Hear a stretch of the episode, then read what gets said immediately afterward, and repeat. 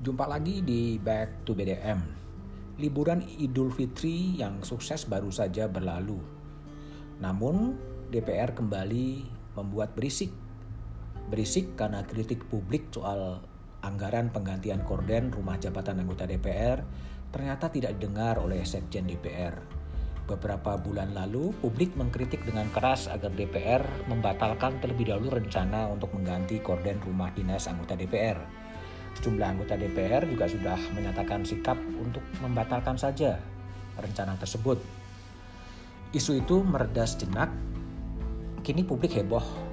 Pengadaan korden ternyata tetap dilakukan oleh Sekjen DPR. Menariknya, Sekjen DPR telah menetapkan pemenang lelang untuk pengadaan korden rumah jabatan anggota DPR. Yang dinyatakan pemenang lelang justru perusahaan yang memberikan penawaran paling mahal, yaitu 43,5 miliar. Memang masih lebih rendah dari HPS yang ditetapkan DPR. Pemenangnya adalah PT Bertiga Mitra Solusi. Sekjen DPR Indra Iskandar menjelaskan pengadaan korden DPR itu sudah direncanakan 12 tahun lalu. Kondisi korden-korden DPR itu sudah rusak, sudah tidak layak, sehingga perlu korden baru. Banyak juga anggota DPR yang meminta pergantian tapi memang belum bisa dilaksanakan baru tahun 2022 dapat diadakan anggaran untuk 505 rumah jabatan anggota DPR di Kalibata.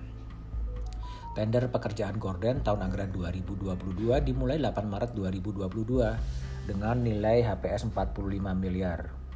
Perusahaan yang mendaftar 49 perusahaan, dari 49 perusahaan itu hanya tiga perusahaan yang mengajukan penawaran.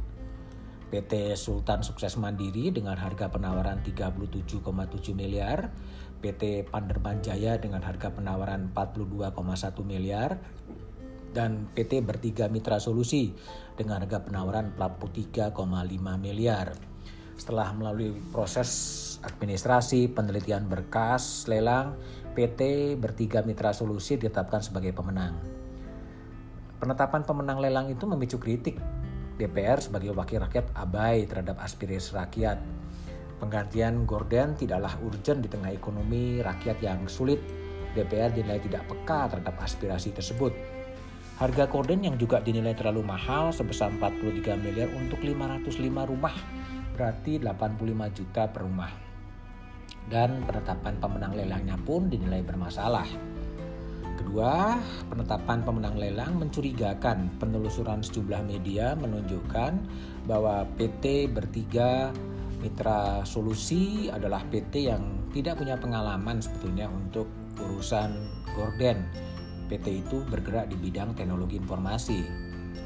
Kontroversi yang berkepanjangan itu jelas akan berdampak pada citra DPR dibandingkan dengan lembaga negara lain.